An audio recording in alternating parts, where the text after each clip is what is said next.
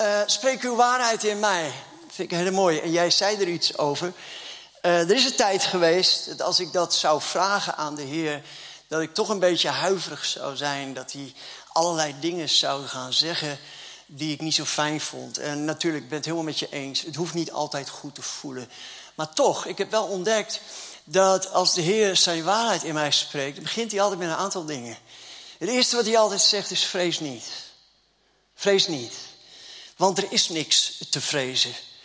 En toen ik dat nog niet zo goed begreep, ging ik met de Heer in discussie. Zei ik, nou Heer, als u daarna kijkt en ik kijk daarna en ik bedenk dit en zus en zo, dan is er wat mij betreft genoeg te vrezen. Maar als u zegt, vrees niet, want er is niks te vrezen, dan moet u dat doen vanuit een andere perceptie dan de mijne. En dat is ook zo. God kijkt vanuit de hemel. God kijkt van boven, wij vaak van onderen. God is in charge. God weet de uitkomst van voordat het begint. God is niet nerveus. God wordt niet heen en weer geslingerd uh, in omstandigheden door allerlei gevoelens. God is steady. En als God zegt vrees niet, er is niks te vrezen, dan kan er in mijn perceptie, in mijn beleving en zelfs in mijn overtuiging nog zoveel te vrezen zijn. Maar nogmaals, als God zegt er is niks te vrezen, dan moet ik dat tot mij nemen. Dan zeg ik oké, er is niks te vrezen. Als ik tegen mijn kinderen zeg, alles komt altijd goed. Ik heb vier prachtige dochters, van advocaat tot uh, eentje zit in Amerika, die doet geweldig werk onder vrouwen die slachtoffer zijn van uh, human trafficking, prostitutie, dat soort dingen. Heel verhaal. Maar als ik ze op een rijtje zet tot op de dag van vandaag en ik zeg, wat zegt papa altijd? Dan zeggen ze nog, hetzelfde als toen ze een jaar of vijf waren, alles komt goed. En zo is het, lieverd. Alles komt altijd goed. Ook de storm waar je nu doorheen gaat. Ook dat hele lelijke ding waar je nu mee wordt geconfronteerd. Dat gaat God nemen. En dan gaat het omkeren tot heel iets moois. En, en daar wil je bij zijn. Dat wil je niet missen. En daar heb ik een boodschap over. Maar ik begon over, uh, als God zijn waarheid in mij spreekt, vrees niet, want er is niks te vrezen. Het tweede wat hij zegt, als ik mezelf bijvoorbeeld zie op basis van mijn prestaties, dat doen we soms, hè, van die boom. Die verrekte boom van de kennis van goed en kwaad. Je kan het nog zo goed doen, maar als het van die boom komt, dan, dan heeft het geen energie tot gevolg, geen kracht. Je wordt er bek af van. Je wordt bek af van het goed doen. En het is ook nooit genoeg. Maar als ik dan eens een keer eet van het niet zo goede van de boom. en ik ga mezelf meten naar goed en kwaad. dan kom ik tot de conclusie dat ik misschien. en ook toen ik dit nog niet begreep. dat ik misschien mijn. Uh, mijn, mijn, mijn, mijn plaats, mijn identiteit, hoe zeg je het? Dan zegt God, wat voor puinhoop je er ook van gemaakt hebt, lieverd. En dat gebeurt ons soms allemaal, toch? Dat je de plank ergens mislaat. Dat je iets doet waarvan je weet, dat had ik niet moeten doen. Niet op die manier. En zelfs tot en met bewuste zonde.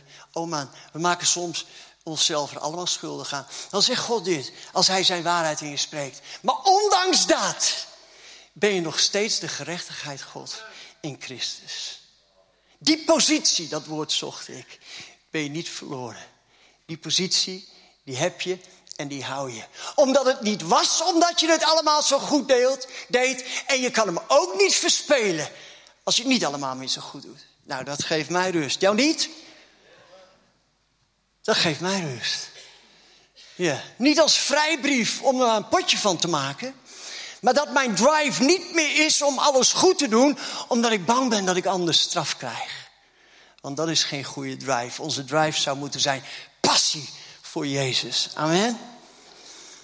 Dan zat ik daar en kwam het volgende naar me toe. En ik ga het even met je lezen. En waarschijnlijk kennen jullie, of de meeste van jullie zullen het kennen. De beleidenis van Petrus. Toen Jezus gekomen was in het gebied van Caesarea Philippi. Eventjes, tot hoe lang heb ik? Dat ligt eraan hoe goed ik predik. Nou, ga er vanuit dat ik goed predik. Hoe lang heb ik dan? Nee, het, tot twaalf uur? Is zoiets? En als de Heer dan uitgesproken is, dan is het gewoon goed. En anders gaan we door. Ik zal proberen er zoveel oh, nee, zo weinig mogelijk van Klaas bij te doen. Toen Jezus gekomen was in het gebied van Caesarea Philippi, vroeg hij aan zijn discipelen: Wie zeggen de mensen dat ik de zoon des mensen ben? Nou, Jezus had geen uh, identiteitscrisis. Jezus wist uiteraard heel goed wie hij was, maar hij wilde het jou horen zeggen. David zegt in een van de psalmen, psalm 91, ik zeg, en dan staat er in onze Nederlandse vertaling, ik zeg tot de Heer. Maar in de grondtekst staat, ik zeg van de Heer. Maak een verschil. Wat zeg jij van de Heer? Jezus wilde horen wat de mensen allemaal over hem zeiden. Jezus wil ook horen wat jij van hem zegt. God wil horen wat jij van hem zegt. Want wat jij van hem zegt, dat zal hij voor jou zijn. Denk daar eens even over na. Laat, laat ik het betrekken op mezelf. Wat jij van mij zegt, die persoon ben ik voor jou. Voor sommigen ben ik een kwaal, popiopie. Voor andere mensen ben ik een man van God. Jij bepaalt. En zo is het ook met God. Toen ik ziek was, zei ik van de Heere, Jehovah Rapha. Want ik had van de Heer nodig dat Hij mijn geneesheer was. Amen. Toen ik arm was, zei ik van de Heer. En als ik een nood heb, zeg ik van de Heer, Jehovah Jireh. De God die voorziet. Jehovah Rapha is de God die geneest. Dus wat ik van de Heer zeg, dat maakt het verschil. Die zal Hij voor mij zijn. Is dat niet mooi? Wat een, wat een verantwoording ligt er bij ons. Gaan we verder. Ze zeiden, sommigen hebben het al. Meningsverschil. Jeetje, man, al dat meningsverschil, ook in de kerk van Jezus Christus, wordt er niet goed van. Soms. Soms is het goed om een beetje te sparren. Maar soms denk ik ook, jongens, kom van je hoge witte paard. En, en zet het kruis even weer in het midden. Mag ik het zeggen allemaal? Ah, ik zeg het toch. Halleluja. En ze zeiden sommigen Johannes de Doper. En andere Elia. En weer andere Jeremia. Of een van de profeten. Zie je? De een zegt dit, de ander zegt dat. En dus allemaal het gevolg van een natuurlijke approach. Want het was nog niet zo gek hoor, als de een zei Elia. Die had daarover nagedacht en die was tot die conclusie gekomen op basis van dingen en, en, en uh, waarheden die hij waarschijnlijk heel goed kon onderbouwen. Maar die andere die zei Jeremia, of een van de andere profeten, die kon het misschien wel net zo goed onderbouwen. Maar het was het een en het Geen een van de antwoorden was een juiste. En dat is wat er gebeurt als wij de zaken, wat het ook is, in ons leven natuurlijk benaderen. Dan komen we tot bepaalde conclusies die op zichzelf best wel logisch zijn. Eh, ik snap het ook waarom mensen zo denken. Ik begrijp ook hoe je tot die conclusie bent gekomen. Alleen, er is informatie van een andere orde. Dat is het niet. Er is informatie in een ander level. Dat is niet wat je natuurlijk kunt bedenken. Want daar komt de kerk van Jezus Christus niet ver mee. Daar heb je de meningsverschillen. Daar heb je dat mensen tegenover elkaar staan. Maar als we onze informatie uit een andere bron tappen, dat is waar openbaring is, dan komen we tot waarheid. En wat de kerk van Jezus Christus nodig heeft op dit moment en wat jullie nodig hebben, is dat God begint te spreken in jullie midden. En dat God eens even uitlegt hoe het zit. En dat God eens even zegt, deze richting gaan we uit. Met die en die en, en dat God gaat invullen. Want natuurlijk kom je er niet uit. Natuurlijk blijf je tegenover elkaar staan. De een zegt dit, de ander zegt dat. En die heeft nog meer gelijk als die. En die begrijp ik nog beter als die. Maar het heeft allemaal geen zin. Totdat God weer begint te spreken. Halleluja. Mag ik nog even doorgaan? Ja. Oh, Jezus. Ja. Hij zei het tegen maar u, wie zegt u dat ik ben? Simon Peters antwoordde en zei, mooi hè. U bent de Christus, de Zoon van de levende God. hey, dit was geen common knowledge hè. Dit, dit had Petrus nooit iemand anders horen zeggen. Dit, dit kwam niet uit een of ander boek. Door een of andere christelijke bestseller geschreven. Dit, dit had hij niet op de televisie gehoord. Dit was geen informatie die verstandelijk naar hem toe kwam. Dit kwam vanuit een andere bron. En die bron, daar moeten wij tappen, want daar komt het enige juiste antwoord uit. U bent de Christus, de Zoon van de levende God. Ik denk dat Petrus om zich heen heeft gekeken en gedacht heeft van, zeg ik dat? Ja, want zo werkt dat met dat soort informatie. Met openbaring. Dat zijn dingen die je verstandelijk niet weet. Die soms verstandelijk ook geen enkele. They make no sense, zeggen ze in het Engels. Waarvan je verstandelijk zegt, ik snap er niks van. Ik begrijp het niet, maar ik begrijp het wel. Maar dan in een ander niveau. Daar waar God spreekt. U bent de Christus, de zoon van de levende God. Dat ging voorbij zijn intellect. Oh, wat hebben wij het nodig om ons intellect en onze gedachtegangen en onze vooronderstellingen en onze meningen en onze toestanden die zich daarboven allemaal afspelen. Wat hebben we soms nodig om het even aan de kant te zetten, zodat we God weer horen spreken. Want zolang we zelf aan het woord zijn, jongens. Dus allemaal op basis van je ervaring, op basis van je teleurstellingen, op basis van je referentiekader, op basis van je opvoeding. Op basis van hoe je op dit moment in het leven staat. Is het leven vriendelijk voor je? Is het leven onvriendelijk? Speelt allemaal mee. Als God spreekt, spreekt dat allemaal niet mee. Kom op jongens, een beetje enthousiast. Iets, iets, iets minder Gronings. Ik kom ook uit Groningen, hè? Ik ben ook een boertje van. Uh... Ik zei net nog tegen Jan Willem. Vorige week sprak ik in. Uh... waar sprak ik? Drachten. En dan ga ik na de dienst altijd naar een paar oude vrienden van mij. En uh... dan heb ik een hele gezellige tijd. Maar ik zei, joh, als ik hier drie weken ben, dan praat ik weer net zo Gronings als jij hoe snel het gaat. Ik vind het ook een leuk taaltje. Ja, ik vind het een leuk taaltje. Oké. Hmm. En Jezus antwoordde tegen hem en zei: Zalig bent u, Simon Bayona. En dan komt hij: Want vlees en bloed hebben u dat niet geopenbaard. Dit komt niet van de boeken die je gelezen hebt. Dit heb je nooit gehoord op de televisie of van een of andere prediker. Dit komt regelrecht van de Vader. Is het enige juiste antwoord. En Jezus antwoordde: Zalig bent u, Simon Bajona. Vlees en bloed hebben u dat niet geopenbaard. Maar mijn Vader die in de hemel is. En dan komt hij. En ik zeg u ook dat u Petrus bent. Mooi hè? Jij zegt mij wie ik ben. Ik vertel jou wie jij bent. Ik heb mijzelf gevonden in Christus. Mijn openbaring van de opgestane Heer had een openbaring van mezelf tot gevolg. Dat is mooi, maar dat is een prediking over identiteit. Daar gaan we nu niet naartoe. Uh, en ik zeg u dat gij Peters bent. En op deze Petra, op deze openbaring, zal ik mijn gemeente bouwen. Een gemeente wordt gebouwd op openbaring. Niet op democratie, niet op stemrecht, niet op al die toestanden van dit en zus en zo, meningen tegenover meningen. Een gemeente die door de poorten van de hel. Oh, je kunt gemeente zijn hoor, gewoon een gemeente, weet je wel, gezelligheidsclub en sociale contacten. En het is zo'n leuk jeugdwerk en noem maar op en ik kies daarom. Nee, nee, een echte gemeente zoals God die bedoelt, de gemeente die Jezus bouwt, wordt gebouwd op openbaring. En daar is de belofte aan verbonden, niet aan een organisatie. Nee, aan die gemeente die gebouwd wordt op openbaring.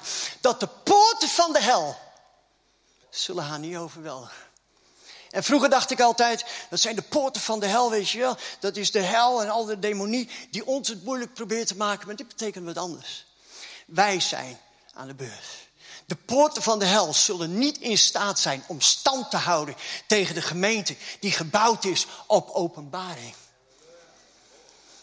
Daar waar een gemeente niet gebouwd is op openbaring, zeggen de poorten van wel, just try me. Just try me.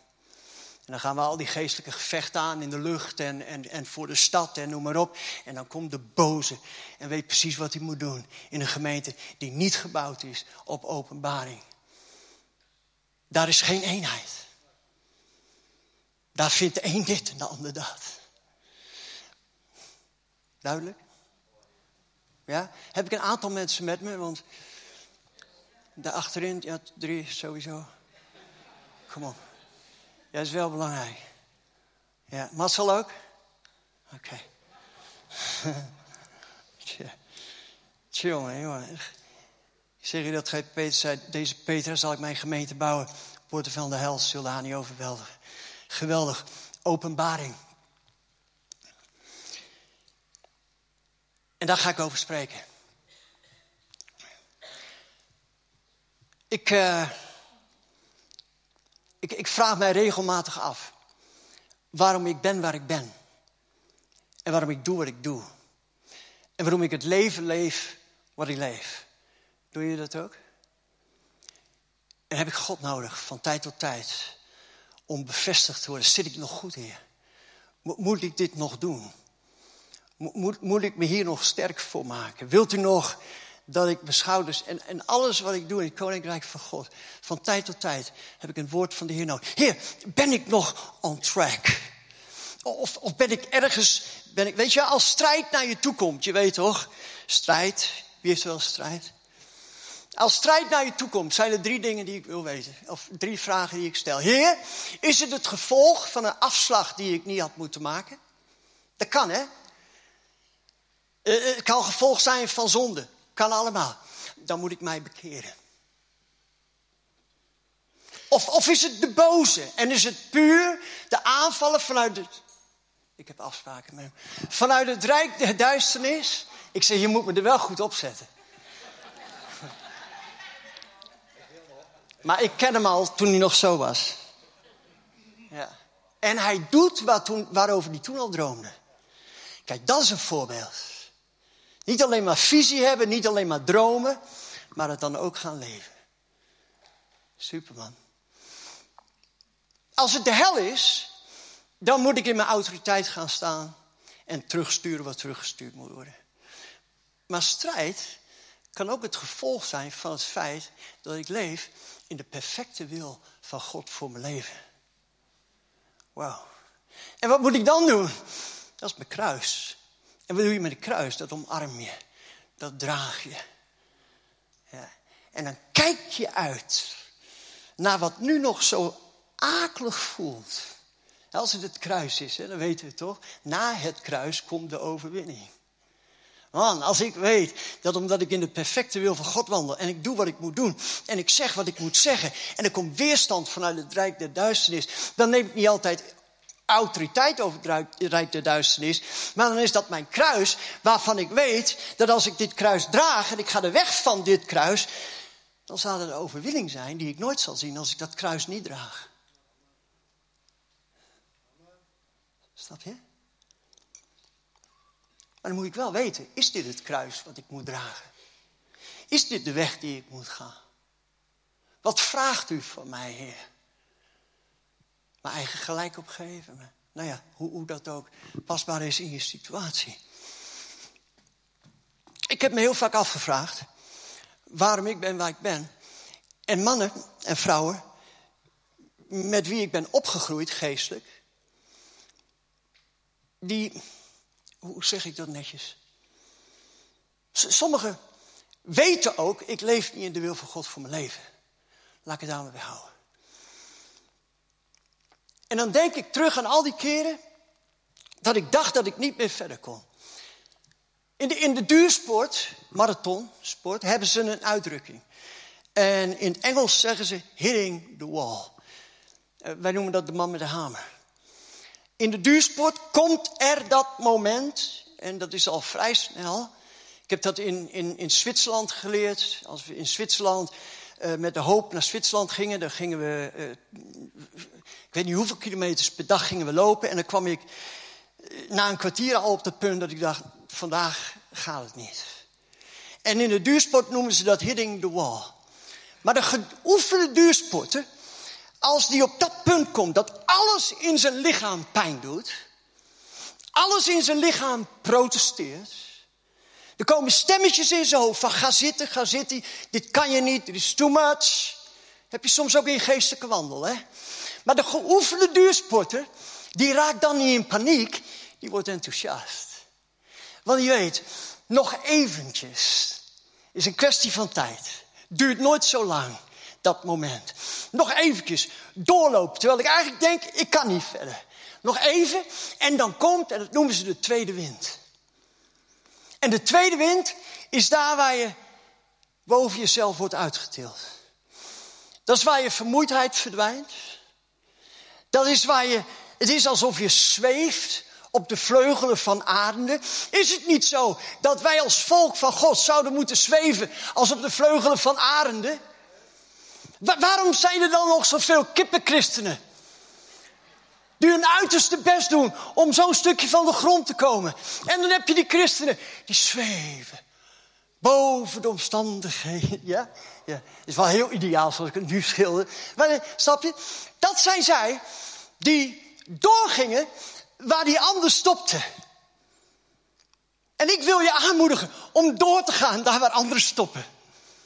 Ik wil je aanmoedigen om als de man met de hamer komt, niet in paniek te raken, maar te geloven dat de tweede wind komt. En dat is boven jezelf uitgetild worden, jongens. En dan begin je openbaringen te zien die je als kippenchristen niet zag. Want die kippenchristen kijkt continu van onder. Die adelaar die kijkt van boven. En er is een verschil of je van onder of van boven kijkt. Amen. Wauw. Hoeveel kippenchristenen zijn hier?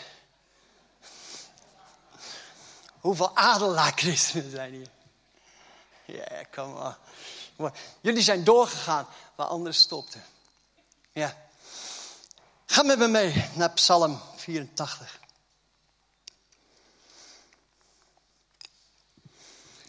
Dit was een woord van de Heer die ik zelf kreeg toen ik door een van de moeilijkste uh, momenten ging tot op dat moment. Daarna zijn er weer wat moeilijke momenten geweest. Maar op dat moment dat Isaura en ik, mijn vrouw, je krijgt de groeten, ze is in Amerika. Vorige keer wil ze ongetwijfeld of uh, zeker meekomen. Uh, ja, dit, dit is wat er gebeurde. Het huis waar wij, uh, waar wij tien jaar deel van waren. Capital Worship Center. Wie heeft ervan gehoord? Ashley McCuggan. Ja? Daar waren we tien jaar deel van. Ashley was als een vader voor me. Uh, uh, wat, wat, wat, er ook georganiseerd werd, of het nou op Aruba was, of het was in Amerika, of het was in België. Isaura en ik gingen er naartoe. Het was ons huis, onze familie. En dat viel in elkaar. En dat, dat was voor ons als rouw. Ik heb daarom gehuild. Het heeft vijf jaar geduurd voordat ik er echt doorheen was. En ik weet nog, ik zat op mijn kantoortje boven in mijn huis. En ik zei, Heer, ik heb een woord van u nodig. Ik, ik, ik, ik, er moet rust terugkomen in deze situatie. Ik ben boos, ik ben teleurgesteld, ik voel me onmachtig. Ik wil mensen uh, om hun oren slaan met mijn waarheid. Ik, ik, ik sta niet voor mezelf in. Ik zeg, Heer, geef me een woord. En dat woord wat de Heer me toen gaf, dat wil ik met jullie delen. Is dat oké? En ik rende naar beneden en ik zeg, Isau, dit gaat ons opleveren. Waar jullie nu doorheen gaan als gemeente. Als je niet stopt bij de man met de hamer. En je pakt de tweede wind. En de glorie van God gaat het huis vervullen. Dan gaat dit hele lelijke, want noem het toch gerust maar lelijk. Gaat God nemen en gaat het omkeren tot iets wat gaat werken in het voordeel van jullie. En van vele zielen die door jullie bediening heen geraakt zullen worden. Maar je mag niet opgeven. Psalm 84, vers 5. Welzalig zij die in uw huis wonen, zij geloven u gestadig. Ja, ook zoiets. Volheid van vreugde is niet wanneer alles op zijn plaats valt in je leven. Volheid van vreugde is niet wanneer alles perfect is. Volheid van vreugde is niet wanneer je kinderen precies doen wat je zegt. Wanneer je genoeg geld op de bank hebt staan. Wanneer je grote auto rijdt. Ik heb trouwens een lekkere cabrio gekocht. Heerlijk met het weer. Ja. Ik ben blij. Maar volheid van vreugde, ach. Weet je. De blitz, dat wel. Eh, dat past wel bij me, maar dat had je al gezien. Uh, volheid van vreugde is in zijn tegenwoordigheid. Als ik mijn vreugde kwijtraak, dan zijn er allerlei situaties, allerlei dingen die ik aan kan wijzen als reden daarvoor. Maar ik wacht niet totdat ze opgelost zijn, zodat ik weer blij ben. Ik weet niet hoe snel ik moet rennen naar God. Want in zijn huis, in zijn tegenwoordigheid, daar is volheid van vreugde. Niet, niet in het oplossen van al je problemen. Niet als alles hier precies net zo gaat als dat jij het wil. Misschien wel helemaal niet zoals jij het wil zelfs. Maar goed, dat, uh, dat weet ik niet. Vers 6. Welzalig de mensen wie sterkte in u is. ja, wie sterkte in u is. Ook zo mooi. Ik weet nog dat ik bad. Dan was ik weer eens moe. Ik was zo moe altijd, jongen. Want ik was zo serieus met God, weet je. Tony, was ik serieus met God of niet? Tony irriteerde zich. De... Nou we hebben samen een mooie wandel gehad. Maar ik was zo serieus met God. Ik wilde het zo goed doen. En het lukte natuurlijk niet altijd. Maar had ik iets op gevonden, dan moet ik gewoon beter mijn best doen.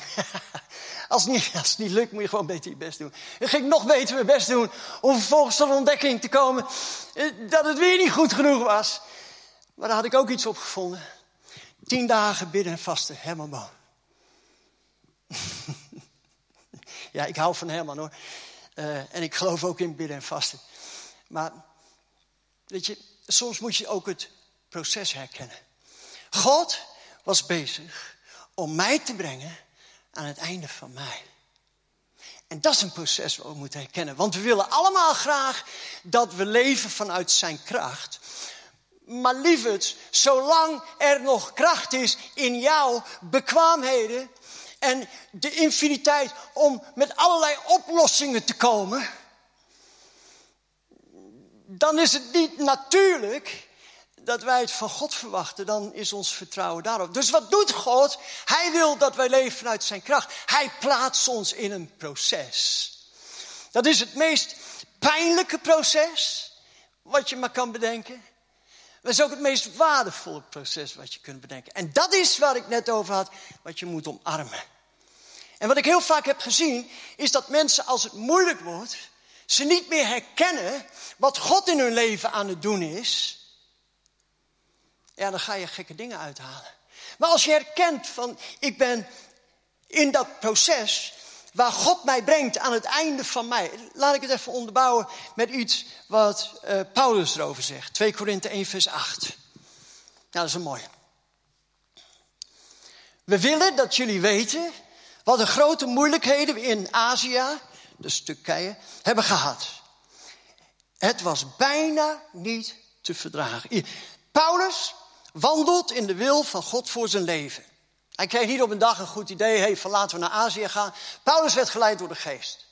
En als de geest zei nee, dan zei Paulus ook nee. Daar zijn voorbeelden van. Maar Paulus had van de geest gehoord om naar Azië te gaan. Om wat te doen? Het evangelie te prediken. Dus Paulus wandelde in de perfecte wil van God voor zijn leven. Hij leefde niet in zonde. Hij deed niet iets wat hij niet zou moeten doen. Hij had God gehoord, gehoorzaamde en komt terug met een boodschap. Ik denk, oh Paulus, nou man, dat is, uh, de lammen zijn opgestaan, de blinden zien, de doven zijn gaan horen. Het was unbelievable.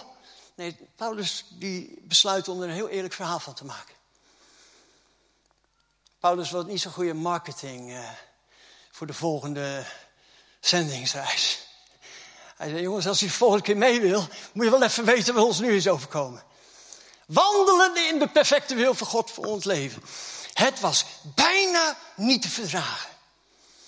We gingen er maar vanuit dat ons doodsvonnis al was getekend. Paulus, hè? Paulus de apostel.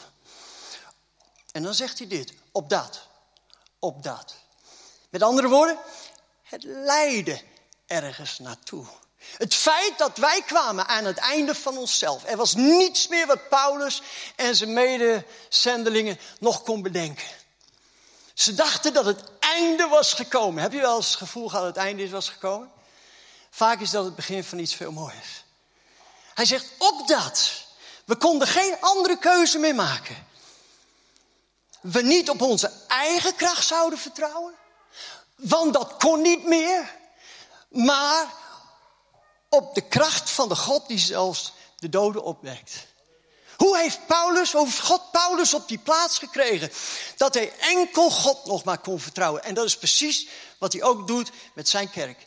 Hij wil niet dat zijn kerk vertrouwt op programma's. Hij wil niet dat zijn kerk vertrouwt op, op, op, op management skills. Hij wil niet dat zijn kerk vertrouwt op slimme zakenmannen die precies weten hoe het moet. Hij brengt zijn kerk op een plek dat we met lege handen staan en dat we zeggen: we hebben geen idee. Geen idee. Hoe verder van hier? Dankjewel, Jan Willem. Hij brengt ons aan het einde van ons. Maar dat proces moet je herkennen. En dan staat er dit. In wier harten de gebaande wegen zijn. Dit waren pelgrims die op weg waren naar Sion. Zijn wij niet allemaal op weg naar Sion? Sion staat voor de vervulling van de belofte. Sion staat voor de gemanifesteerde tegenwoordigheid van God. Sion staat voor bestemming. Sion staat voor doorbraak. Sion, staat voor feest. Dat is Sion. We zijn allemaal op weg naar Sion. Maar deze pelgrims, in wier harten de gebaande wegen zijn. Met andere woorden, zij wisten waar ze op weg naartoe waren. En dat maakt het verschil. Ik zal verder lezen. In wiens hart de gebaande wegen zijn. Hun oog was gericht op Sion. Dan staat er, als zij trekken door een dal van balsemstruiken. Wie? Wiens kracht in God is en in wiens hart de gebaande wegen zijn. Met andere woorden, zij die weten waar ze naartoe gaan. En misschien kun je dat niet altijd omschrijven en definiëren. Heel, dit is, maar er is iets in je hart. Iets waar je passie ligt. Daar ga je naartoe. En wat er ook gebeurt. Deze jongens, in wie harten de gebaande wegen zijn, staat... als zij trekken door de bal van balsemstruiken... dat is het dal van Bakka. Om in Sion terecht te komen, was er geen andere weg dan door Bakka. Die jongens wisten dat, dus die gingen ook niet op zoek naar een shortcut. Die gingen ook niet op zoek naar een omweggetje. Die gingen ook niet op zoek naar een makkelijk weggetje. Zij wisten, als ik in Sion wil komen, zal ik door Bakka moeten trekken. Bakka betekent dal van wenen. Bakka is geen leuke plaats. Bakka is de plaats waar ik velen heb zien terugkeren. Hun oog was niet meer gericht op Sion. Het werd te moeilijk, het werd te zwaar. Ze gingen zitten, verkeerden terug. Dat is jammer, want wil je in Sion uitkomen, zul je toch echt door Bakka moeten. En zul je in Bakka een aantal reuzen moeten verslaan. En zul je in Bakka een aantal teleurstellingen onder ogen moeten komen. En zul je in Bakka een aantal situaties ondervinden waar je liever geen deel van bent. Bakka. Ik geloof dat jullie door Bakka gaan als gemeente. Dit is een dal van wenen. Maar hou je oog gericht op Sion. En toen ik dit woord ontving, stormde ik naar beneden. En ik zei tegen Isauda, ik zeg, Isau, we zijn in Bakka. En daar geestelijk als ze is zijn natuurlijk. Ja, dat zei de Heer ook al tegen mij. Ze wat is bakka? Dus ik leg uit. Ik zeg, maar lieverd, luister. Nu we hier toch zijn. en ik werd heel strijdlustig. Als ik vertel, word ik weer strijdlustig. Daarna zijn weer van die situaties gekomen. Nu ik hier toch ben. Gaat het niet voor niks zijn ook maar gaat het ons opleveren. Schat, wij komen hier beter uit. Wij gaan dit dal van Bakka gaan we maken tot een oord van bronnen. Ah, kom op, prijs de Heer, jongens. Kom op, eventjes nou. Anders...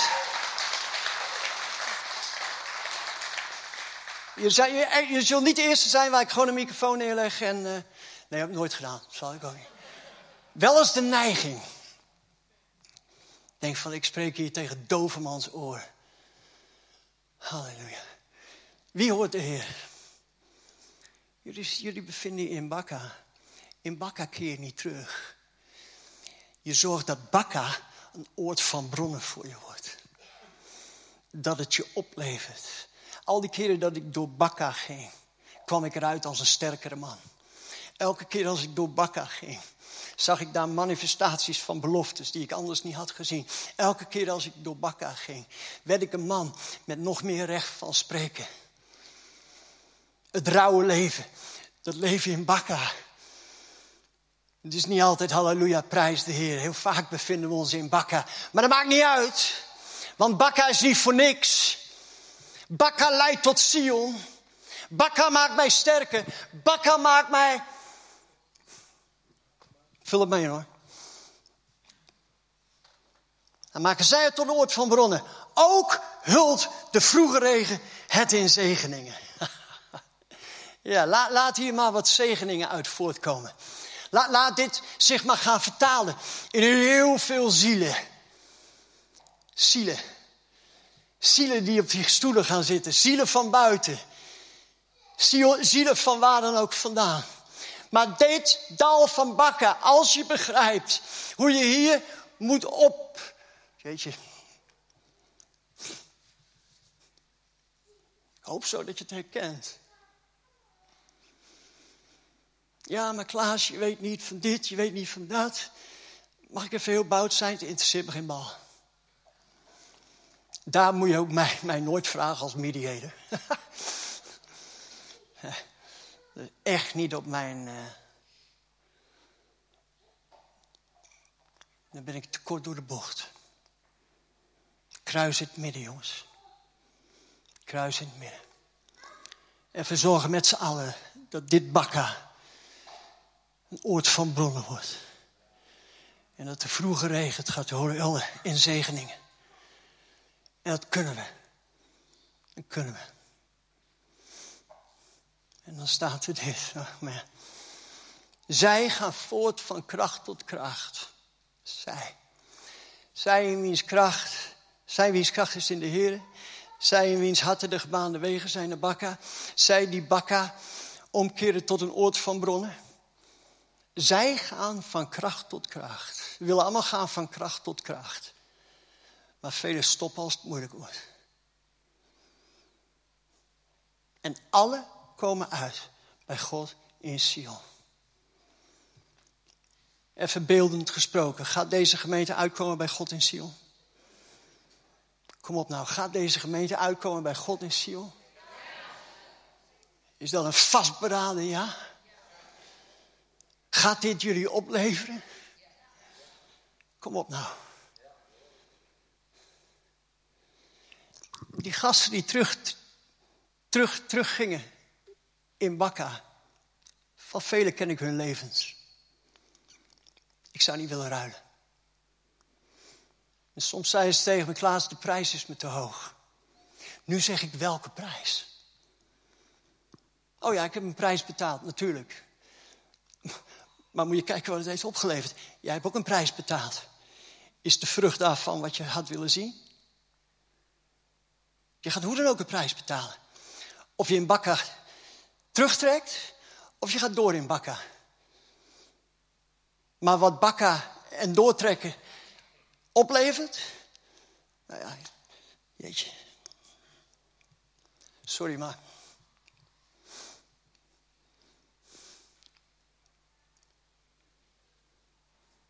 Als dit gewoon een prediking is, jullie hebben helemaal geen, hebben niks, geen zak aan. Ja, ja leuk woord. Ja, ja, kan ik wel iets mee. Ik geloof dat het het woord van de Heer is. God zegt tegen sommigen van jullie: blijf staan in bakken. Ga niet terug. Geef er geen geestelijke draai aan. Je was op weg naar Sion. En deze gemeente heeft een aantal mensen nodig die hun oog gericht houden op Sion.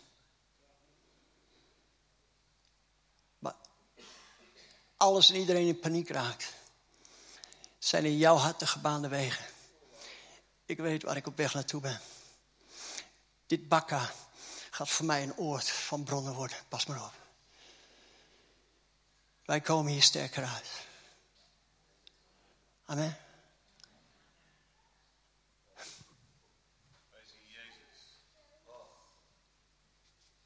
Ja, je oog gericht houden op Jezus.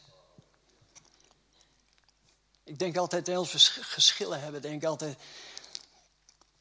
Vroeger dacht ik, ja, we moeten maar eens even met Jezus om de tafel gaan. Dan zal weten wie, dan zullen ze weten dat ik gelijk heb.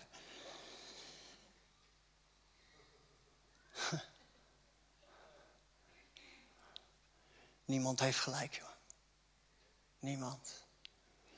Niemand ziet het volle plaatje. Niemand heeft recht van spreken als van, oh, we missen het allemaal hier en daar. En van tijd tot tijd. En goed ook. Mekaar nodig. Hoe moet je nou verder?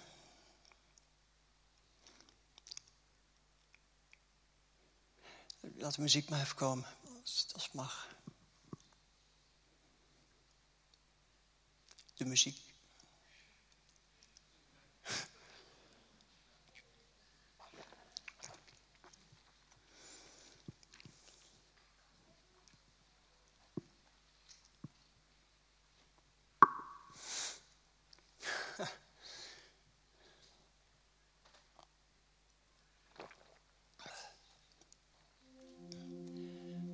Was nou net van plan om terug te keren?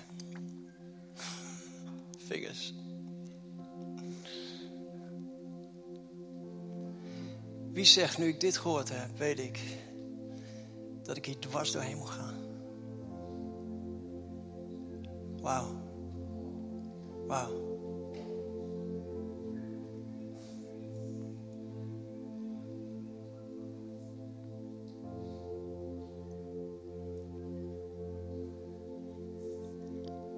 Het zou zo makkelijk voor me zijn om te zeggen van oké, iedereen die Dubakka wil, kom naar voren. Dan kan er ook iets van een soort manipulatieve druk ontstaan. Dat is het laatste wat ik wil.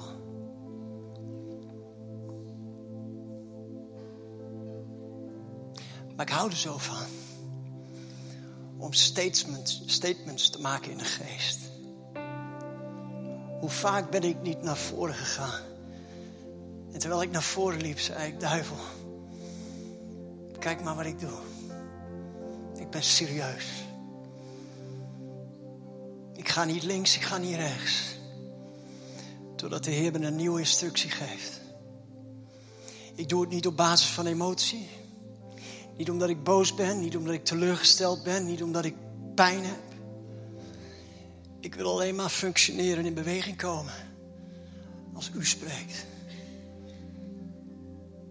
Zo vaak laten we ons leven sturen door de emotie en wat de emotie oproept en wat, wat logica zegt.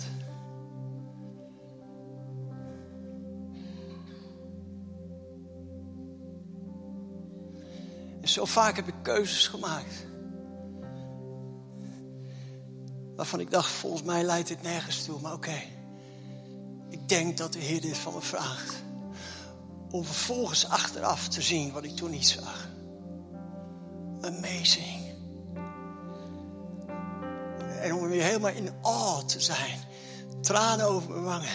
Heer, wat weet u het? Toch altijd ongelooflijk goed.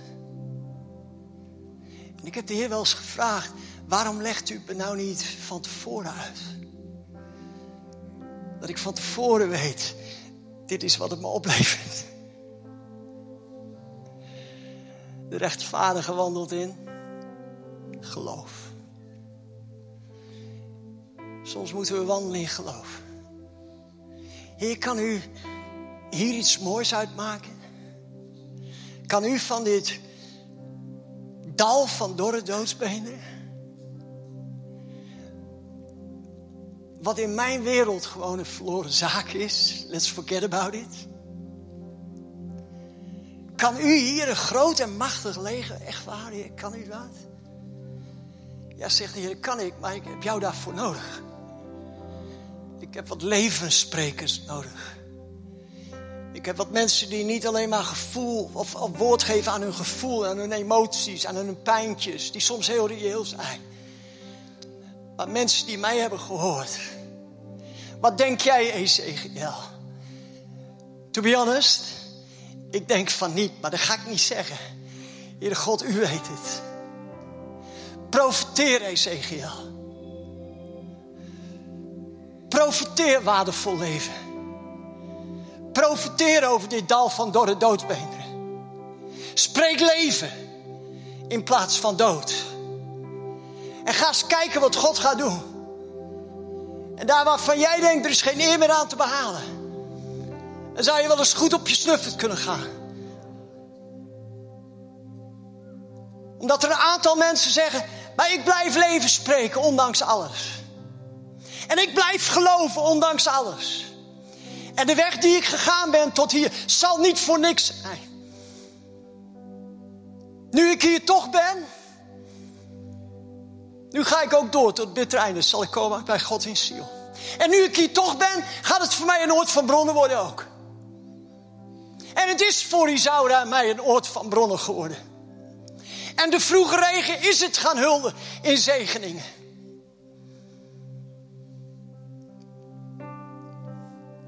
Dat was de wil van God. Maar ik kon het niet zonder mijn toestemming is een groot woord. Zonder mijn medewerking. We kunnen niet gaan zitten en kijken wat God gaat doen. Ezekiel kon niet gaan zitten kijken wat God gaat doen. God zei, no problem, maar jij spreekt. En op basis van wat jij spreekt, zet ik kracht vrij vanuit de hemel. En maak ik het onmogelijke mogelijk. En in die autoriteit mogen we gaan staan. Waardevol leven is niet bedoeld om roemloos ten onder te gaan. Na al die mensen die hun leven bij, nou ja, is misschien een beetje overdreven, maar misschien voor je gevoel.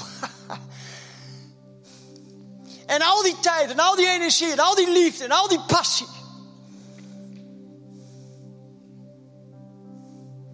En dan ga je door een dal van bakken. En dan ben je zo je oog maar verloren. Op ziel.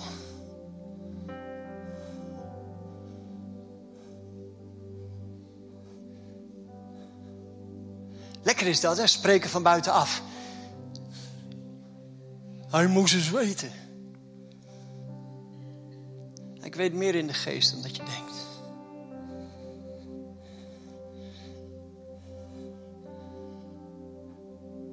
Ik ga toch een oproep doen, mag dat? Voor als je zegt... Klaas, jongen, ik bevind mij ook in Bakka. Ik was mijn oog... Ik had mijn oog bijna nou ja, hoe zeg je dat? Als prediker moet je ook altijd maar alle woorden voor alles hebben. Dat is al eerst makkelijk hoor.